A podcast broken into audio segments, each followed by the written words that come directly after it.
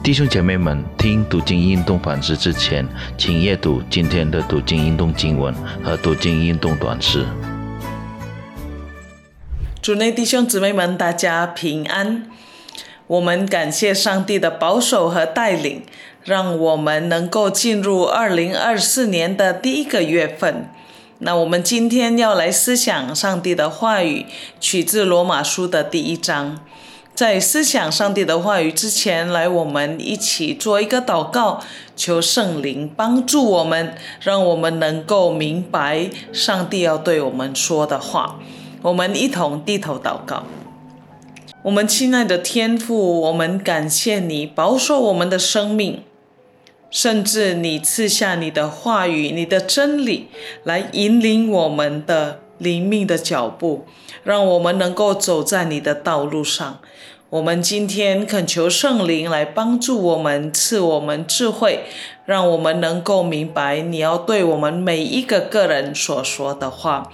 我们这样子的祷告是奉靠主耶稣基督的圣名求，阿门。主内弟兄姊妹们，在罗马书的第一章里面呢，我们可以看到两种消息。第一种消息呢是好消息。使徒保罗以福音这个主题来开始这卷书信，我们一起来读罗马书第一章十六到十七节。使徒保罗说：“我不以福音为耻，这福音本是上帝的大能，要救一切相信的，先是犹太人，后是希腊人，因为上帝的意正在这福音上显明出来。”这意是本于信，以至于信。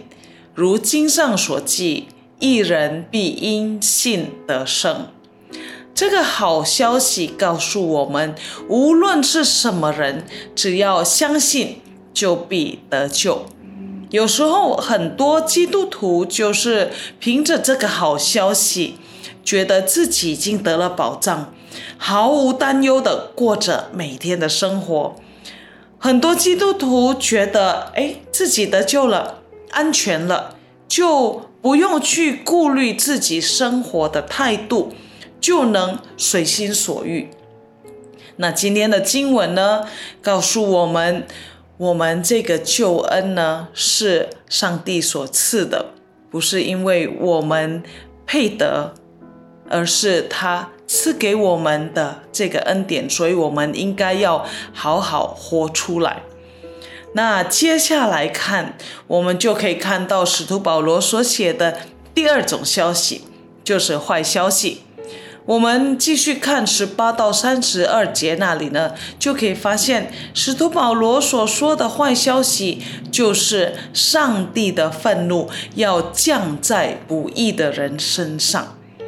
我们一同来读十呃第十八节，那里说：原来上帝的愤怒从天上显明在一切不前不义的人身上，就是说这些行不义、阻挡真理的人，这些人到底是什么样的人呢？至少有四节经文告诉我们。第二十一节说，他们虽然知道上帝，却不当作上帝来荣耀他，也不感谢他。他们的思念，呃，已经变为虚妄，无知的心就昏暗了。二十五节说，他们将上帝的真实变成虚荒，去敬拜侍奉受造之物，不敬奉那造物之主。那二十八节又说，他们故意不认识上帝。三十二节说，他们虽然知道上帝判定行这样事的人是当死的，然而他们不但自己去行，还喜欢别人去行。弟兄姊妹们，这些罪呢，是否听起来很熟悉？没有错，这些罪都是环绕着我们现在生活的一些行为。那这些不义的人到底是谁呢？这些不义的人包括犹太人，包括希腊人，当然也包括我和你。那使徒保罗长篇大论这个坏消息又有何用处？这个坏消息的第一个用处，就是要衬托出前面那福音那个好消息的美好性。我们可以看到，人类的罪恶是如此的深，人类是如此的败坏，但那位上帝的儿子。就是主耶稣基督仍然愿意牺牲自己，来到世上来拯救我们这些罪人。使徒保罗提醒读者或听众，自己曾经也是这一类人，但如今我们已经蒙了救恩，我们就应该好好的活出这个我们的身份。那第二个用处就是要叫读者或听众反思自己，身为已经认识上帝的人，身为已经接受那好消息的人，我们又如何过着我们现在在世上的生活呢？我们是否已经活出我们的新生命，还是仍然与罪妥协呢？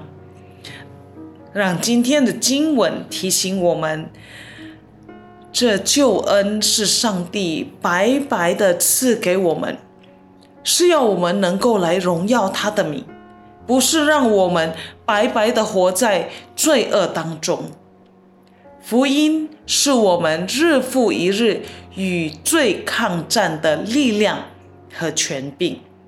我们感谢上帝，我们也求上帝来祝福我们每一个人，让我们能够活出，我们能够见证这个福音，能够将福音传扬给更多人听。